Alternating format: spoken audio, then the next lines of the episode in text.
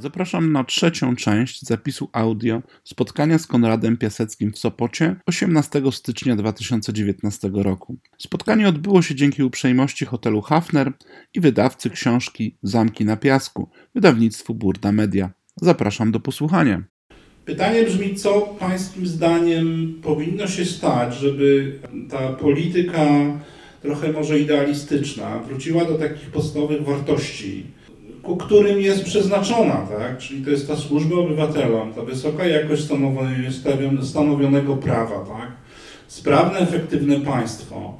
Co w Pańskiej ocenie y, powinno zaiskrzyć wśród tych ludzi, którzy, z którymi Pan ma często do czynienia zawodowo?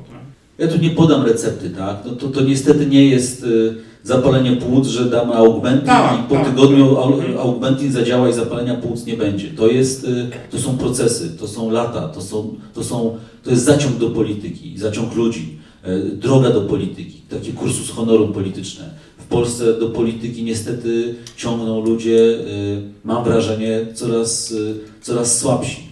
E, Zdarzają się perły, ale jednak po tym zaciągu solidarnościowym, czyli tych ludzi, którzy wyszli z Solidarności Podziemnej, w której można było dostać wyrok więzienia za to, że się miało poglądy i było zainteresowanym po- polityką. Znaczy Władysław Frasyniuk, który funkcjonuje nadal... Tak, ale mówię o, o, o całym pokoleniu, o całym pokoleniu, o całym pokoleniu y, y, polityków, którzy, którzy wyrośli z lat 70. i 80. Ich do polityki kierowały y, pobudki moralne, idealistyczne, ta, takie, takie, bym powiedział, z czystych kruszców y, stworzone. A dzisiaj do polityki pchają bardzo różne motywacje, ambicje, czasami chore ambicje, chęć łatwego życia, o ile życie w polityce jest łatwe, chęć stałej pensji, nawet jeśli ona nie jest specjalnie e, duża, chęć awansu społecznego, bo dla wielu osób często, często wejście do Sejmu, mandat poselski to jest ogromny awans społeczny i, i umieszczenie w zupełnie innej przestrzeni, czy na zupełnie innym diapazonie, więc tutaj nie ma recepty, znaczy tą, tą, tą, tą, tą receptą też jest jest każdy z nas. Jest nasze zainteresowanie życiem publicznym, udział w tym życiu publicznym, to, że jak y, nauczyciel pyta na wywiadówce czy na pierwszym zebraniu, a kto z Państwa chciałby być w trójce klasowej, to nie będziemy. Tak. I może Pan, nie, jestem strasznie zajęty, tak? No ale no, drodzy Państwo, tu się zaczyna też demokracja, tak? Czy to, to jest też element demokracji, tak? Że tak powiem, mówię to, bo sam pełen winy, tak? I jak pada to pytanie, a jestem na tym pierwszym zebraniu, to mówię, Jezus Maria, po co ja tu przyszedłem za chwilę? No ale ja zawsze mogę powiedzieć, że nie, na dziennikarz. Strasznie ciężko mamy robotę, tak? Ale, no, ale, ale gdzieś tam, nie wiem, w- w Stanach Zjednoczonych, jak jest walka o to właśnie, kto ma być w Radzie Rodziców, to naprawdę jest walka i każdy chce być w tej Radzie Rodziców, a u nas to jest po prostu pocałunek śmierci, jeśli wzrok nauczyciela spocznie na pani Kowalskiej i powie, a może pani Kowalska? Albo nie daj Boże, pan Kowalski, tak? No, Śmieją się, bo to są właśnie Państwo Kowalscy. no właśnie, albo, nie, albo się nie wiadomo. No, gratuluję, tak. Panie Konradzie, Musi pan powiedzieć, jak to zrobić. Chociaż już, ja już końcówkę mam nauki szkolne. Nie, więc, więc, y, więc drodzy Państwo, ale, ale też, bo jak ja patrzę dzisiaj na tę dyskusję po, po śmierci Pawła Adamowicza, to też mam takie wrażenie, że to jest takie, że wy tacy owacy używający mowy nienawiści, nie ma dla was wybaczenia, bo wy jesteście, no i jeśli w ten sposób będziemy piętnowali i tropili mowę nienawiści, no to, to tej mowy nienawiści nigdy nie, nie porzucimy i nigdy jej nie zmienimy. Znaczy mam wrażenie, że tutaj takie tkwienie w okopach Świętej Trójcy i przekonaniu nasza strona użyka, używa, nawet jeśli nasza strona używa języka ostrego, to dlatego, że tej drugiej stronie naprawdę się należy mocne przyłożenie tym ostrym językiem, no, no, to, no to będziemy sobie. Ja, ja nie jestem wielkim optymistą, powiem szczerze. Znaczy, ja miałem poczucie po, po 10 kwietnia 2010 roku, miałem poczucie, że to, jest, to, to musi być cezura. Znaczy, że świat po 10 kwietnia, świat polityki nie może być taki sam. miałeś identyczne przeczucie. No właśnie. I, Identyczne. i, I pamiętam te swoje odczucia i pamiętam, był kwiecień, jeszcze to kwiecień, pamiętam jak była pierwsza miesięcznica 10 maja, to już mnie coś zaniepokoiło, że te kwiatów, tych kwiatów to nie wszyscy, nie, nie, nie wszyscy te kwiaty składają przed Pałacem Prezydenckim, ale pomyślałem sobie, no. Pamiętam, że wyjechałem na wakacje i jak wróciłem z wakacji i, była, i trafiłem na krakowskie przedmieście w szczycie wojny o krzyż. Pomyślałem sobie, no nie, Znaczy, no, po prostu to są dwie Polski i, i między tymi Polskami no, no, nie ma siły. No, po prostu te Polski się nigdy ze sobą nie zgodzą i nigdy sobie i, i, i nigdy ze sobą nie będą w stanie porozmawiać. No i, i, to się potem coraz bardziej sprawdzało niestety.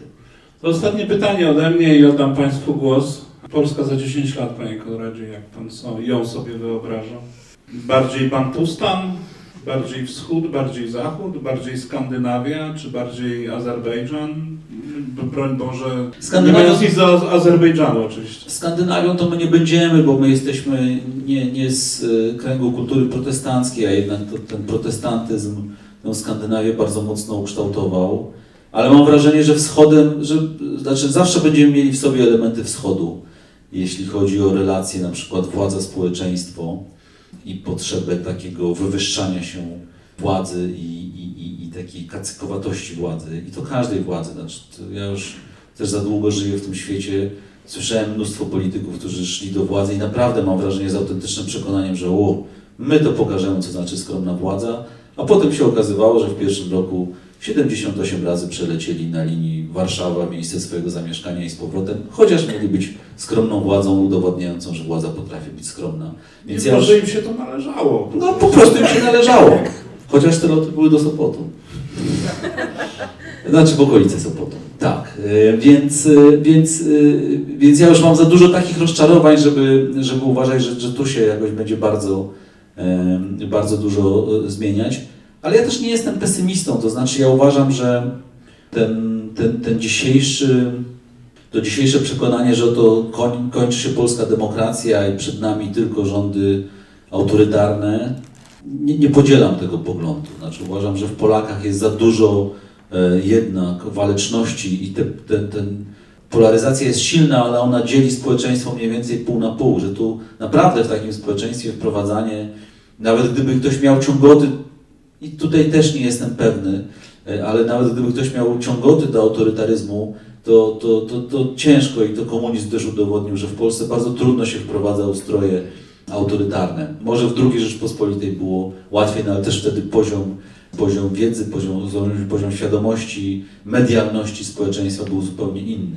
Więc ja, no, ja mogę mówić tylko o swoich nadziejach. No, mam nadzieję, że pozostaniemy jednak w kręgu kultury unijno-europejskiej, że, e, że będziemy trochę szczęśliwsi, trochę bogatsi i trochę, i trochę mądrzejsi za te 10 lat, że może zmieni się też ten zaciąg do polityki, może, może to też trochę zacznie. Myślę, że, że jednak tak, no społeczeństwo z natury rzeczy. No musi być coraz mądrzejsze, coraz te, te, te wszystkie biedy, biedy i, i, i, i deelitaryzacja polskiego społeczeństwa, której, której dokonywano przez wiele lat i przez liczne zwroty historyczne, trochę się to na szczęście odwróciło i dzisiaj jak spojrzymy nie wiem, na liczbę ludzi, którzy kończą wyższe studia, no to, to też musi w końcu zacząć czynić z nas trochę inne, inne społeczeństwo. Więc, więc y, pozostaję w nadziei, w takim może nie hurra, ale jednak optymizmie niezakłóconym, bo z natury rzeczy optymistą jestem. Super, oddam Państwu może głos i mikrofon. Kto z Państwa chce zadawać pytanie i podawajcie sobie. Albo bez mikrofonu też można. Ja bym wrócił do tej uprzejmości przy prowadzeniu rozmów z gośćmi, bo są tacy politycy, którzy no rzeczywiście kłamią. Tak? E, I ja rozumiem, że może no, nieładnie powiedzieć pan kłamie, ale brakuje mi czasami takiej ostrości, być może przygotowania, że jak pan premier mówi rzeczy no kompletnie e, niespójne z faktami, bo to już nie opiniami, bo to co pan mówi to są opinie o tym, czy kto zaczął tą wojnę, kto nie. Ale jak mówi Morawiecki o ilości przyjętych imigrantów, no to są rzeczy z kosmosu i to można dość łatwo skontrować. I, i tu czasami mi brakuje, w, bo ja też trochę z mediów, tak jak więc tak y, patrząc na to, jak w tej chwili te rozmowy wyglądają, to czasami mi brakuje takiego skontrowania na faktach. Nie to, że pan kłamie, ale proszę, tutaj dane GUS-u, nie wiem, dane ministerstwa potwierdzają, że nie milion, tylko 100 tysięcy przykładowo, tak? Nie, no to oczywiście, to znaczy, na- o, wiadomo, że najsilniejszą bronią dziennikarza jest fakt, jest informacja, są dane, twarde dane, z którymi trudno, t- trudno polemizować, ale też oczywiście dziennikarz powinien być przygotowany, stara się być przygotowany, ale nigdy nie wie, czym go, czym go e, ten, ten, tenże rozmówca e, zaskoczy. Więc to jest też pe- pewien problem. Ale oczywiście powinniśmy być przygotowani do rozmów i jeśli nie jesteśmy, jeśli nas e, zaskakują kosmiczne dane i one są naprawdę kosmiczne, czyli nieprawdziwe, a my kompletnie nie potrafimy się w tym odnaleźć, no to jest nasz grzech, więc w modelu idealnym tak, absolutnie tak być powinno. Nie wiem, premier mówi, że y, przyjęliśmy 100 tysięcy emigrantów, a dziennikarz wyciąga kartkę i mówi nie, to nie, nie. akurat z, emig- z emigrantami to pewnie wielkiego sporu, e, znaczy w, dziwnym, w dziwnych kierunkach by się ten spór dzisiaj mógł rozwijać, jeśli chodzi o emigrację do, do, do Polski, bo te statystyki na przykład osób, którym, się, którym wydano zezwolenie na pracę są, są przedziwne, jak na e, rząd, który mówił, że tutaj z ob- obcych kulturowo krajów nikogo nie będziemy przyjmować, po czym patrzę w te statystyki i okazało się, okazuje się, że z Nepalu mamy 11 To też jest właśnie tysięcy. Tak. Nie, nie przyjmiemy nikogo. Trzeba. Tak, no tak. zadbałem. 11 tysięcy z Nepalu, 7 tysięcy z Pakistanu, y, 8 tysięcy z Bangladeszu. Ja akurat jestem zwolennikiem przyjmowania migrantów i, i uważam, że nie ma innego wyjścia specjalnie. Przy dzisiejszej gospodarce, to jak, jakbyśmy nie przyjmowali migrantów, to, to byłoby coraz gorzej i byłoby źle. Więc oczywiście należało, no tak, co, co do faktów, w- nic, nic tak dobrze nie robi dziennikarzowi, jak położenie na stole faktów. Czy to nie jest tak że czasami, y, nie- mówię to personalnie do Pana, tylko dziennikarzom brakuje tej odwagi, żeby nawet jak mają te fakty, żeby skontrolować, żeby się nie, y, nie obraził ten polityk i już nie chciał przyjść na kolejne właśnie spotkanie. Znaczy we, we mnie od, odwaga dyspo- dysponowania czy rzucania faktów na stół jest y, niezmierzona. Ja mogę mieć y, problem właśnie z powiedzeniem pan kłamie, proszę wyjść ze studia, ale z powiedzeniem y, nie, to nieprawda. To nie jest tak, że zielone jest czerwone, tylko zielone jest zielone, to nie mam z tym, e, nie mam z tym żadnego problemu. Ale wie pan, no to wiecie Państwo, no to są też y, ludzie, którzy się coraz bardziej profesjonalizują i w tym dobrym, i w tym złym słowa znaczeniu. Tak? To znaczy oni mają, ma, mają świetnie przygotowane e, formułki na, na to, jak się powie, a nie, to nieprawda, aha, Pan mówi, że to nieprawda, Pan, pan mówi, że to nieprawda, a przypomnijmy, co TVN24 trzy dni temu powiedział, tak, i co, i to może była prawda, no więc widzicie, więc Panie redaktorze, proszę mi tutaj nie takimi argumentami nie szafować, bo Wasza telewizja znana jest, no i tak dalej, i tak dalej, więc kota ogonem zawsze łatwo odwrócić politykowi. Znaczy trudno, ale łatwo. Pan jest historykiem i to mnie ciekawi, czy e, z naszej historii jest taka postać, którą Pan, e, no z racji jego fachowości, ale również takiej postawy, e, uważa rzeczywiście za wybitnego polityka, takiego, no taka właśnie jakość polityczna. Czy jest ktoś, o kim mógłby Pan tak powiedzieć?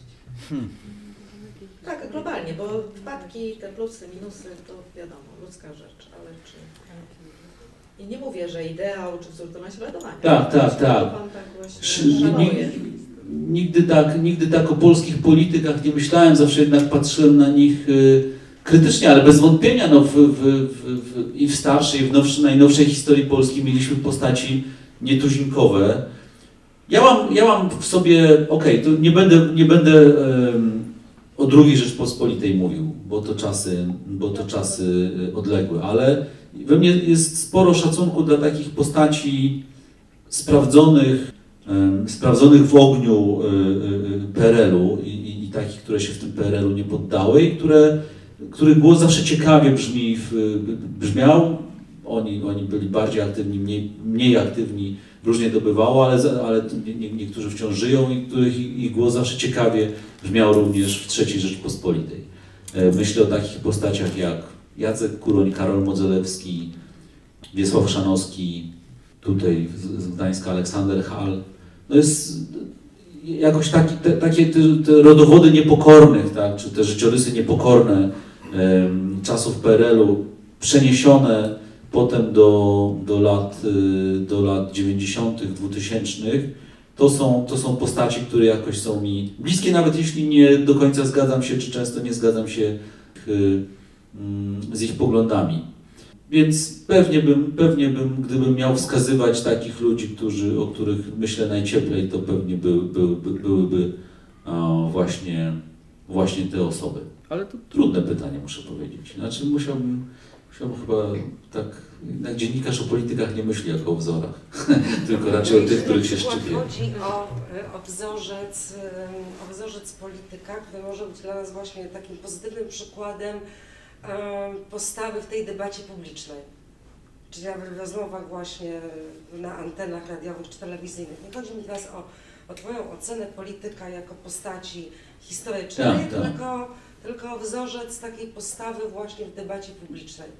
Znowu tru, trudno dziennikarzowi mówić o wzorach, tak? zwłaszcza z takiej polityki bieżącej, no bo powiem, że, że ktoś jest dla mnie wzorem, a potem się okaże, że, że ale po- okej, to powiem Państwu, to będzie to może trochę banalny przykład. y, Banalny w tym sensie, że, że taki bardzo z dzisiejszego dnia. Ale jest taki człowiek w Prawie i Sprawiedliwości, właściwie w, obozie Prawa i Sprawiedliwości, który się nazywa Tadeusz Cymański.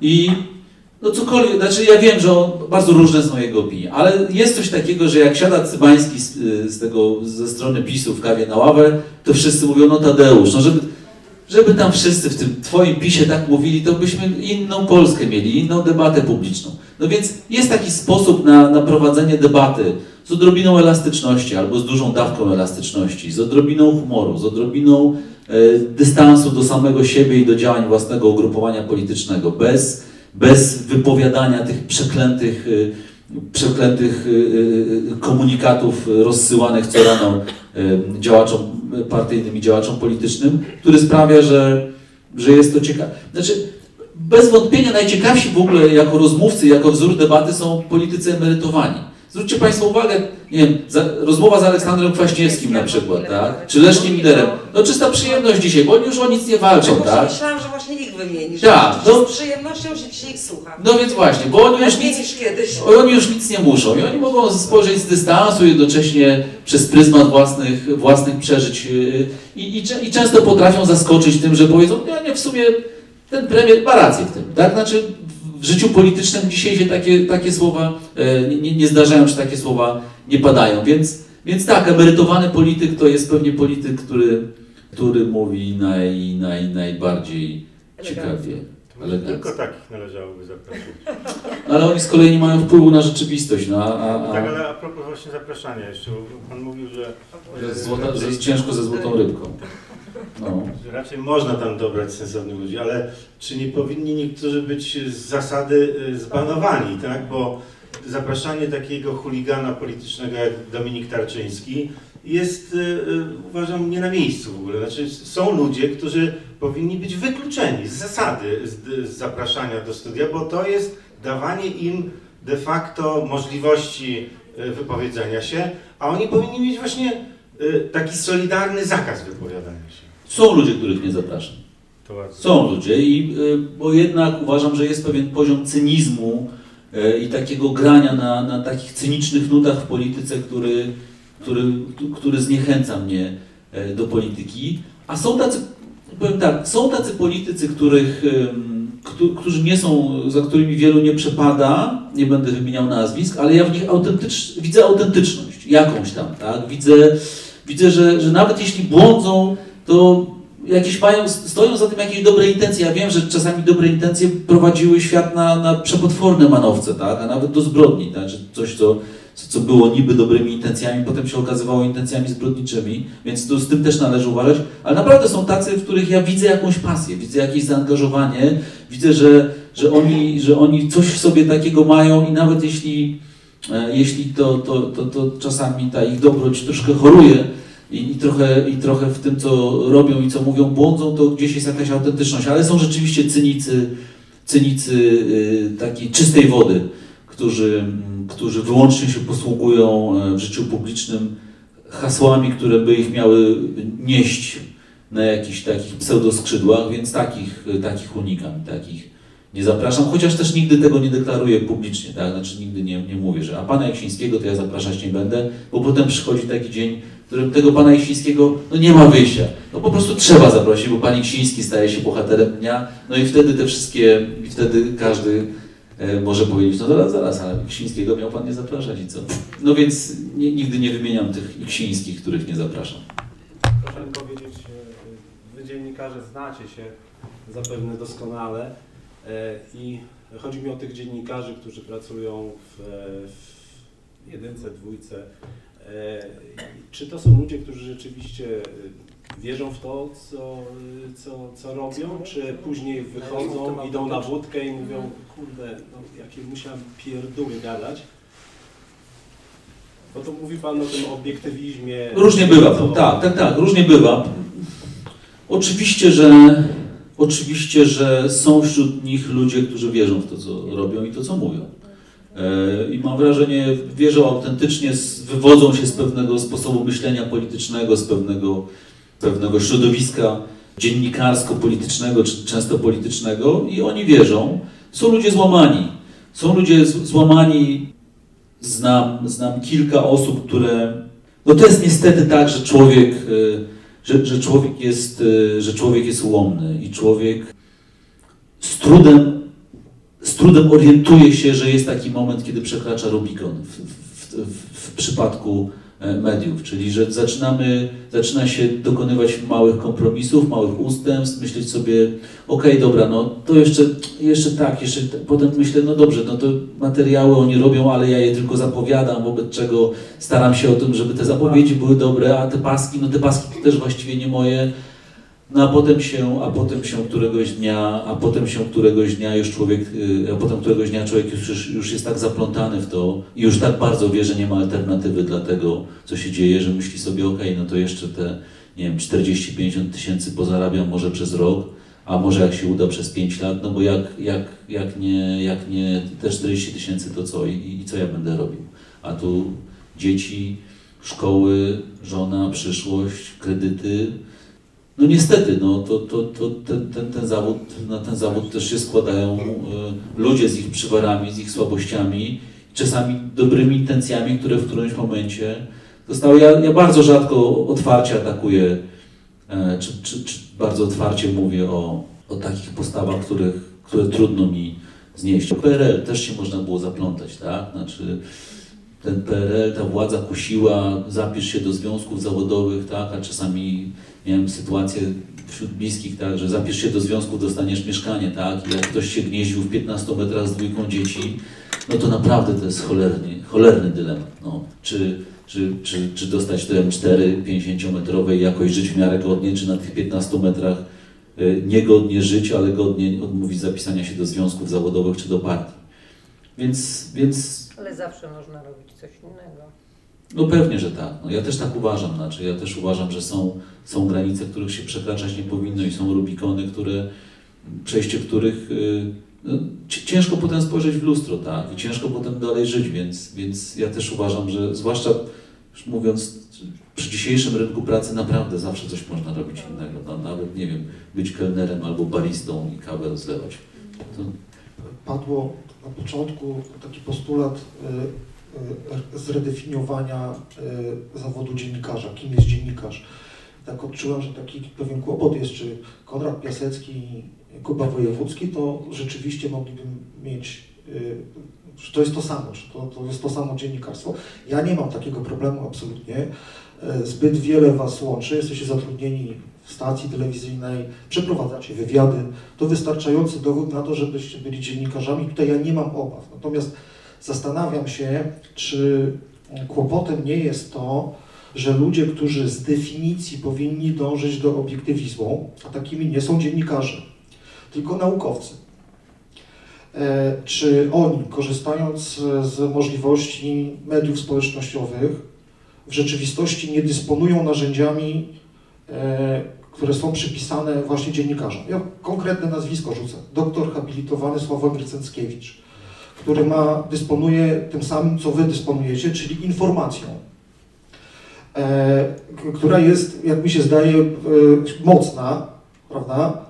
E, I dzięki mediom społecznościowym e, on wrzucając e, na przykład dokumenty, skany dokumentów, urzędniczki z Urzędu Miasta w Warszawie w pewnych okolicznościach, tak? Czy on nie przejmuje tak naprawdę, ja się obawiam tego, czy Konrad Piasecki, Piasecki nie mógłby mieć wpisane dzisiaj dziennikarz, znaczy ma, tak, ale czy nie będzie mógł mieć wpisane Sławomir Cęckiewicz, doktor habilitowany, bo tak naprawdę on e, e, wpływa na rzeczywistość, chce ją kształtować, zmieniać, posługując się pewnymi możliwościami, które dysponuje tak naprawdę naukowiec. No tak, ale dziennikarstwo to, to nie jest y, święty Graal, y, że, że tylko właściciel świętego Grala może jest właścicielem świętego Grala i nikt inny nie jest, nie jest jego właścicielem. Znaczy każdy z Państwa może być każdego dnia dziennikarzem, tak? Bo każdego dnia każdy z Was może dysponować takim newsem, który zmieni rzeczywistość, tak? I, I jeśli go umieści w mediach społecznościowych, a w mediach społecznościowych są dzisiaj prawie wszyscy, to tym newsem właściwie y, ciężko powiedzieć, że on będzie dziennikarzem, tak? No bo to nie tak się definiuje, tak? Będzie jakimś whistleblowerem czy, czy informatorem, tak? Który poda to y, do, do, publicznej, do, publicznej wiadomości, ale, ale to definicje są w ogóle trudne. A we współczesnym świecie, w świecie mediów społecznościowych, zwłaszcza, w którym właściwie wszyscy są sobie równi, tak? I jeśli ma się tych kilku dziesięciu, kilku, kilka tysięcy czy kilkanaście tysięcy followersów, no to, no to, to hulaj dusza piekła nie ma. No każda informacja, którą się podaje, jest informacją, która trafia do obiegu publicznego, ale ja sobie, no ale cóż możemy tu zrobić? No? Znaczy, no przecież nie, nie, nie, nie powiemy komuś, kto dysponuje informacją, nie masz prawa, czy nie ma pan prawa nią dysponować, że nie ma pan prawa jej e, ujawniać. Ja zastanawiam się, czy doktor habilitowany, dysponując informacją, e, do której ma dostęp w zasadzie tylko on, bo No nagle, tak, się, tak. nagle się... No, z racji funkcji, którą sprawuje, Te tak. dokumenty nie są takie, że on siedzi przez lata ich szukał i teraz sobie wydłubał, tylko ma je, wy, wy, następuje pewna rzeczywistość i nagle on idzie i wyciąga te dokumenty, które są potrzebne do e, właśnie tego. No jest to problem, ale to, to mam wrażenie, że to nie jest problem dziennikarstwa. Tylko to jest problem życia publicznego, życia politycznego, używania, e, używania swojego stanowiska, swojej pozycji e, zawodowej do e, uczestnictwa w, w sporze, w walce politycznej. To chyba nie jest problem dziennikarstwa. Znaczy, e, to, że się podaje informacje, to nie znaczy, że człowiek zostaje dziennikarzem. Zostaje tylko tym, który podaje informacje do publicznej wiadomości. Ja nie, nie, nie nie, wyobrażam sobie, co by tu można było z tym, z tym począć, chociaż dostrzegam, że, że oczywiście są e, ci, którzy mają e, dostęp do dobrych sejfów czy do dobrych teczek i, i potrafią nimi skutecznie operować w życiu e, publicznym. No ale Sła- Sławomir Cęckiewicz, jak wiadomo, wielokrotnie w życiu publicznym e, się, się e, jakoś odznaczył tak, ze swoją działalnością historyczną i, i, i no i parę, parę z tego tytułu dyskusji e, odbywaliśmy najnowszej historii Polski i o najnowszej historii Polski. Proszę Państwa, ostatnie pytanie. Może jeszcze dwa ostatnie, tutaj pan się zgłosił. Okej, na dobrze. To, żeby To trzy, miał. dobrze. To chyba Donald Tusk powiedział kiedyś, że e, władza, która totalnie zawłaszcza media, zawłaszcza media publiczne, e, nie wyjdzie na tym dobrze. E, taki obraz widzimy od e, trzech lat, takiego totalnego zawłaszczenia e, mediów publicznych. Co się stało ze społeczeństwem? A może to Donald Tusk miał za mało odwagi, żeby po te media publiczne wcześniej sięgnąć. Co takiego się wydarzyło, że e, taki obraz no, trwa? Ze społeczeństwem? Ja nie wiem, czy to się wydarzyło coś ze społeczeństwem. To się chyba Jest wydarzy. takie przyzwolenie i, Znaczy mam wrażenie, że rzeczywiście nie mieliśmy do czynienia z tak brutalnym zawłaszcz... zawłaszczeniem mediów publicznych i tak brutalnym stworzeniem z tych mediów takiej y, machiny mm, propagandowej, która przewyższa, przewyższa i nie jest to komplement parę machin propagandowych, które mm, w najnowszej historii Polski e, działały, ale mam wrażenie, że to jest tylko no, sięganie po wygodny, wygodny i, i trochę zabójczy mechanizm.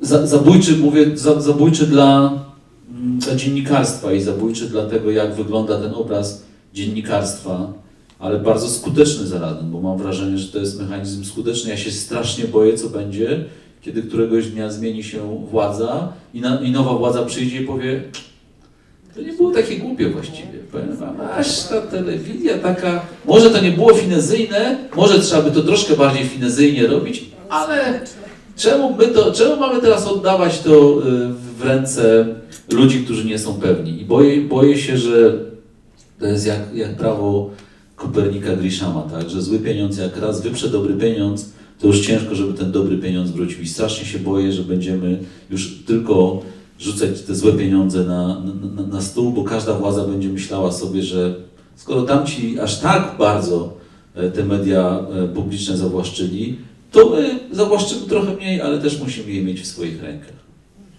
I to jest, to jest wydaje mi się, potężny, potężny problem. A to, jak wyglądają dzisiaj media publiczne, tak, to jest rzecz nie, nienotowana. One zawsze miały, zawsze media publiczne miały tendencję do, powiedziałbym, miękkiego, miękkiego, ciepłego mówienia o władzy, ale, ale głównie do tego, tak? że, że ta władza zawsze była znacznie cieplej opisywana w mediach publicznych niż we wszystkich innych mediach. Ale tu mamy hagiografię władzy, propagandę sukcesu władzy, a zarazem taką, mówiąc kolokwialnie, taką jazdę na opozycję, jakiej, jakiej, nigdy, jakiej nigdy nie było i rzeczywiście przypominającą bardzo, bardzo złe wzorce. Więc to, to jest historyczna, historyczna porażka Jacka Kurskiego. Albo historyczny sukces Jacka Kurskiego, jak powiedzą inni. Kolejne pytanie. Ja chciałbym nawiązać do takiego wątku e, obiektywizmu dziennikarza. E, padło takie, takie stwierdzenie, że dziennikarz bez poglądów bardzo się by nam podobał. E, ja chciałem powiedzieć, że dziennikarz bez poglądów m, straciłbym oręż e, w którymś momencie w debacie publicznej.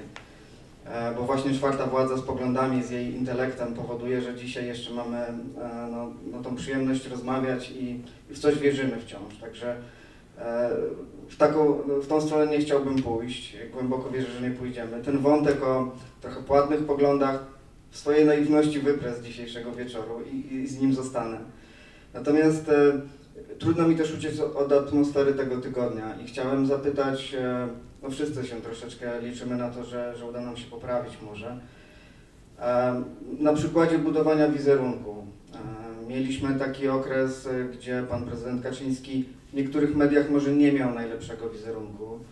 E, Może to jest tylko przykład, ale mm, pani Marta z, z reklamówką wchodząca po schodach gdzieś tam do, do samolotu, no, no był to jakiś symbol pe- e, no, tego wizerunku przed e, katastrofą i, i potem mm, przepiękne zdjęcia i, i wieczory po. E, Dziś, e, dziś mamy podobną sytuację. Ja- też nie chcę powiedzieć, że wtedy myślałem, jak fajnie wybielono pana, pana prezydenta Kaczyńskiego, a dziś mówię, w końcu pokazano pana Pawła takim, jakim był. No to jest ludzkie, tak? I, i nie chciałbym od tego uciec. Natomiast no w tych dniach chciałem zapytać, czy właśnie, mm, tak jak pan Konrad prosi, żebyśmy my gdzieś tam się zaangażowali w tą publikę. No ja, ja obiecuję, że na następnym raz y, tym zebraniu ja się zgłoszę. Natomiast mam też taką prośbę w drugą stronę. No, no bo wszyscy za poziom tej debaty publicznej odpowiadamy. Czy, czy w, w środowisku dziennikarskim w tych dniach coś pęka? Czy jest szan- szansa na podniesienie tej, e, tej debaty, tego poziomu? Bo tak jak pan Konrad powiedział, e, Kopernik wielkim ekonomistą był i ten zły pieniądz wyparł e, dobry pieniądz, a my byśmy bardzo chcieli to odwrócić. Jaka jest na to szansa mimo wszystko? Jak powiedziałem, wielkim optymistą nie jestem. Coś, coś pewnie po tym tygodniu zostanie i jakaś świadomość w nas tego, jak, e, jak ciężkie potrafią być słowa i jak dramatyczne skutki mogą słowa wywołać, gdzieś pewnie w nas zostanie. Chociaż ja też, powiem Państwu, mam mnóstwo rezerwy wobec e, dawania tutaj łatwych odpowiedzi na pytanie, dlaczego się stało to, co się stało. I ja uważam, że naprawdę trzeba być strasznie ostrożnym. I to samo miałem w 2010 roku po, po tym ataku w Łodzi, że takie łatwe rzucanie odpowiedzialności, to ci są odpowiedzialni, bo to oni wtedy, a i, i, dzisiaj też jest, jest taka trochę atmosfera, że to oni są odpowiedzialni, bo oni.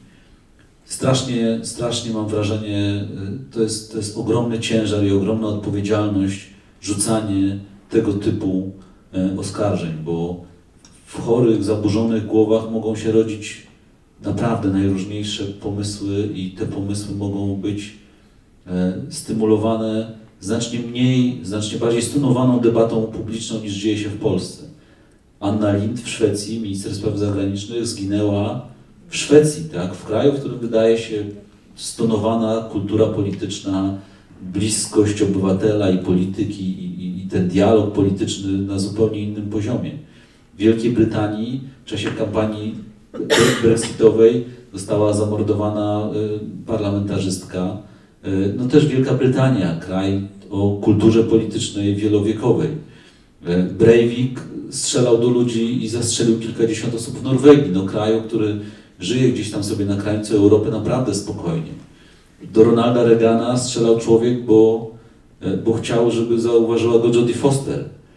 No naprawdę, w, w zaburzonych umysłach kryją się takie tajemnice i kryją się takie motywacje, które mam wrażenie no, zdecydowanie wykraczają poza, poza takie, takie, taką możliwość rzucania łatwych oskarżeń. Dlatego rze- rzeczywiście mając poczucie, że, że za daleko brniemy w polskich emocjach i za daleko brniemy w, przede wszystkim w widzeniu przeciwnika, rywala politycznego y, jako kogoś takiego zdehumanizowanego. To jest moim zdaniem polskim problemem, że coraz, coraz y, y, rzadziej albo coraz częściej jest tak, że rywal polityczny właściwie jest odarty z godności, że o rywalu politycznym można powiedzieć wszystko bezkarnie e, i, i, i z poklaskiem własnej barykady politycznej, bo barykadzie, mojej barykadzie, tej jednej barykadzie się to, e, się to podoba.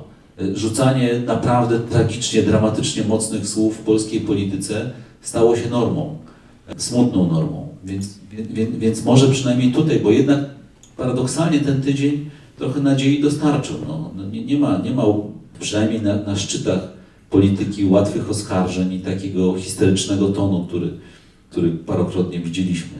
Więc, więc, więc, może, więc może coś, jakaś, jakaś, e, jakaś cegiełka z tego muru wzajemnej niechęci wypadnie i takiego, niechęci to może nie, ale takiego, takiego przekonania, że, że, że z nimi to nie ma co gadać, tak? Przy czym nimi są raz jedni, raz drudzy. Może, oby. Może oby, bo, bo, bo przydałoby się na, na, naprawdę, przydałoby się, w, przydałoby się w Polsce parę rzeczy załatwić ponadpartyjnie, tak? Znaczy przydałoby się parę, do paru pr- problemów usiąść i powiedzieć, słuchajcie, dobrze, stoimy przed historycznymi wyzwaniami, zróbmy to tak, to tak, to tak. I jak wy będziecie rządzili, to będzie tak, i jak my będziemy rządzili, to będzie tak. I nie będziemy zrzucali teraz na siebie odpowiedzialności, że oni to zrobimy, bo zrobimy to, to wspólnie. Jest parę trudnych decyzji do podjęcia, parę bolesnych kroków, e, ale, ale kroków, które by coś temu krajowi przyniosły. I to, że, że, że, że polska polityka od kilkunastu lat nie potrafi siąść do jednego stołu, żeby coś takiego ustalić, e, no niestety, niestety będziemy za to płacili ciężką cenę, jeśli, jeśli nie będziemy potrafili tego zrobić. To ja mam takie pytanie trochę lżej, z lżejszego kalibru, żebyśmy nie zakończyli może w takim minorowym nastroju. To będą dwa w jednym pytania. Czy pamięta Pan swój pierwszy materiał reporterski? O czym był? Gdzie był zrealizowany? E, Jak Pan się czuł robiąc ten materiał? To jest pierwsze pytanie. A drugie, gdyby faktycznie istniała ta złota rybka, o której Pan wspominał, to jakiego rozmówcę by Pan sobie wymarzył? Z kim chciałby Pan przeprowadzić fajną rozmowę? Na, na drugie pytanie odpowiem łatwo i yy, znaczy nie odpowiem szybko, bo to byłyby postaci nieżyjące. Ja bym strasznie chciał porozmawiać z Józefem Piłsudskim i z Maksymilianem Robespierre. To z Robespierrem dlatego, że to rewolucja francuska i fascynacja rewolucją Miał francuską. Tak, tak. Przepraszam. Pchnęła mnie, pchnęła mnie na historię, a z Józefem Piłsudskim, bo uważam, że, że tak zagmatwanej e, postaci, która tak ogromny wpływ wywarła na polską politykę, nie mieliśmy chyba w historii nigdy. Więc, więc te, dwie, te dwie postaci. Problem jest, że nie znam francuskiego, więc nie wiem, czy z Robespierrem bym się dogadał. Ale przez złotą rybkę może. A co do pierwszego, oj, no, to, to jest trudne pytanie o tyle, że te początki dziennikarstwa to są zawsze takie, takie pomalutku, powolutku, tak? Pierwszy wywiad, jaki zrobiłem, to zrobiłem z Elżbietą Dzikowską, czyli, czyli, czyli o- osobą podróżniczką, e, bo poszedłem do pracy w jakiejś takiej agencji informacyjnej i ona właśnie potrzebowała tego wywiadu i, i zrobiłem go a, z nią. Pierwszy materiał radiowy, jaki zrobiłem, y, który poszedł na antenę, to była sonda uliczna w Radio Kolor. W pierwszym dniu, w pierwszym dniu nadawania Radia Kolor wyszedłem z moją koleżanką na, przed radio i szukaliśmy kogoś, kto jest w stanie tego radia słuchać, albo może kto go słucha i spotkaliśmy jakiegoś taksówkarza, który tak włączył już sobie w samochodzie to radio i on był pierwszy, pamiętam, że strasznie nam się psuł mikrofon.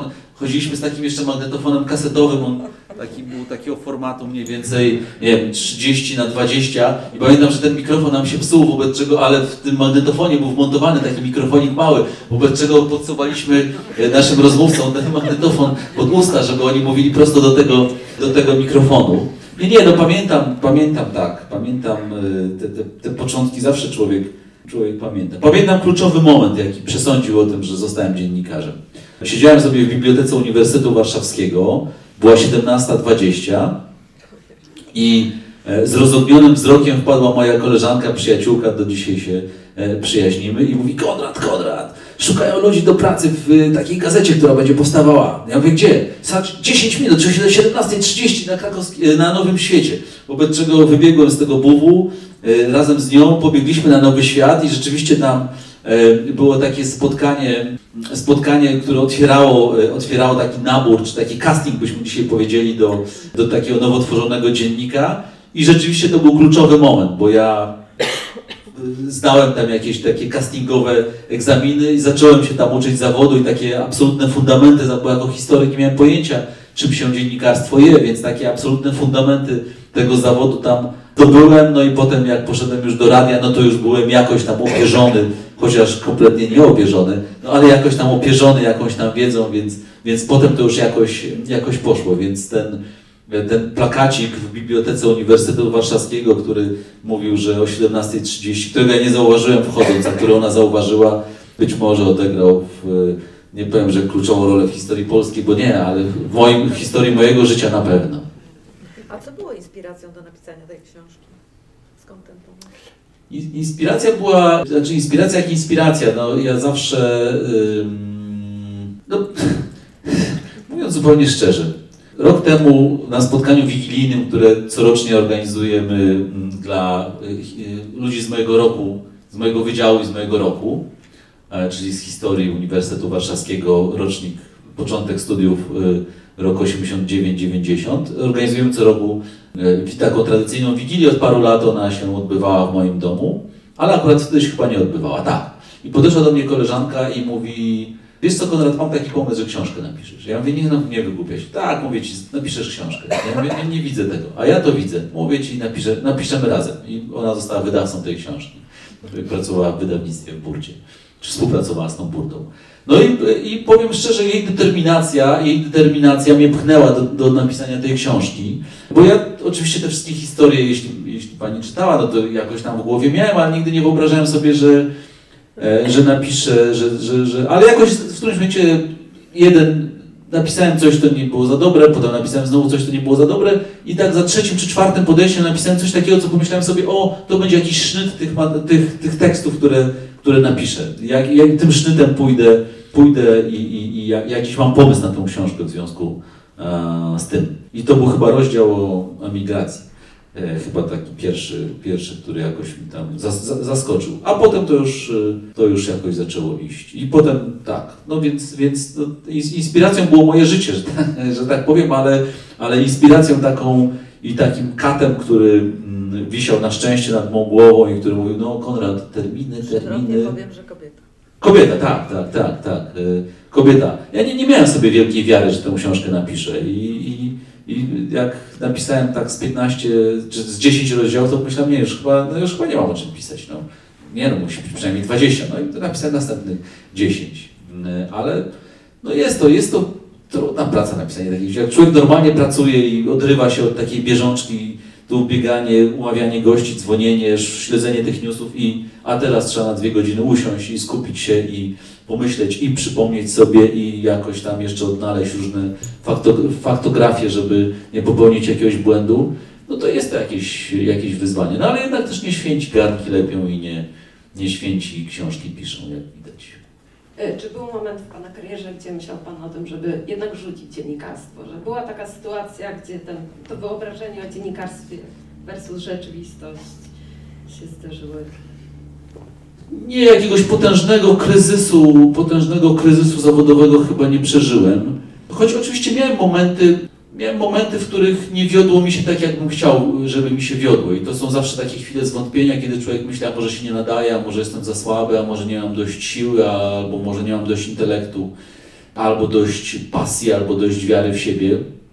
Więc bywały takie, e, takie momenty, ale tak, żebym, żebym stał przed e, taką przepaścią i, i, i tylko krok mnie od tej przepaści odejścia z zawodu dzielił, to, to nie, miewałem różne propozycje odejścia z zawodu, jakiegoś rzecznikowania prasowego, jakichś aktywności tego typu, ale, ale to było zawsze dla mnie tak obce, że, że, że, że, że, że, że, że, że w ogóle nie właściwie nad tym się nie zastanawiałem. Kiedyś o, mówiłem sobie, że będę pracował do 2021 roku, więc ten 2021 rok się zbliża niebezpiecznie i trzeba by się zacząć zmierzyć, mierzyć z tą perspektywą tego 2021 roku, ale myślę, że nie, znaczy nie, nie wyobrażam, znaczy powiem też zupełnie szczerze, ja nie mam innego pomysłu na siebie w życiu. Znaczy mam inne pomysły, ale są pomysły tak dalekie od dziennikarstwa, że chyba by się bał jednak je, je, je spełniać, bo mam jakieś tam pasje w życiu, ale, ale no już chyba bieganiem czy piciem wina na życie nie zarobię. Więc to pozostanie tylko przyjemnością. Kończymy? Dziękuję w takim razie Państwu bardzo. Konrad jest Państwa. Zapraszam do indywidualnych już rozmów autografów. Bardzo Państwu Dziękuję dziękuję. bardzo. Dziękuję, żeście Państwo przyszli. Dziękuję bardzo. Dziękuję, żeście Państwo przyszli. Ja wiem, że są. z- Ja dzisiaj byłem e, o 17 byłem, byłem w Gdańsku. To jest ogromne wrażenie i, i myślę, że też Państwo po tym tygodniu jesteście, jesteście troszkę już zmęczeni życiem, tak też fizycznie pewnie, ale i psychicznie. Więc cieszę się, żeście mimo wszystko znaleźli jeszcze trochę siły i trochę czasu, żeby się, żeby się tu pojawić. Bardzo Państwu dziękuję i miłej lektury dla tych, którzy, którzy mają ją przed sobą, albo, albo może powracania do, do książki czasami tych, którzy, dla tych, którzy ją już przeczytali. Bardzo dziękuję i do zobaczenia, do usłyszenia.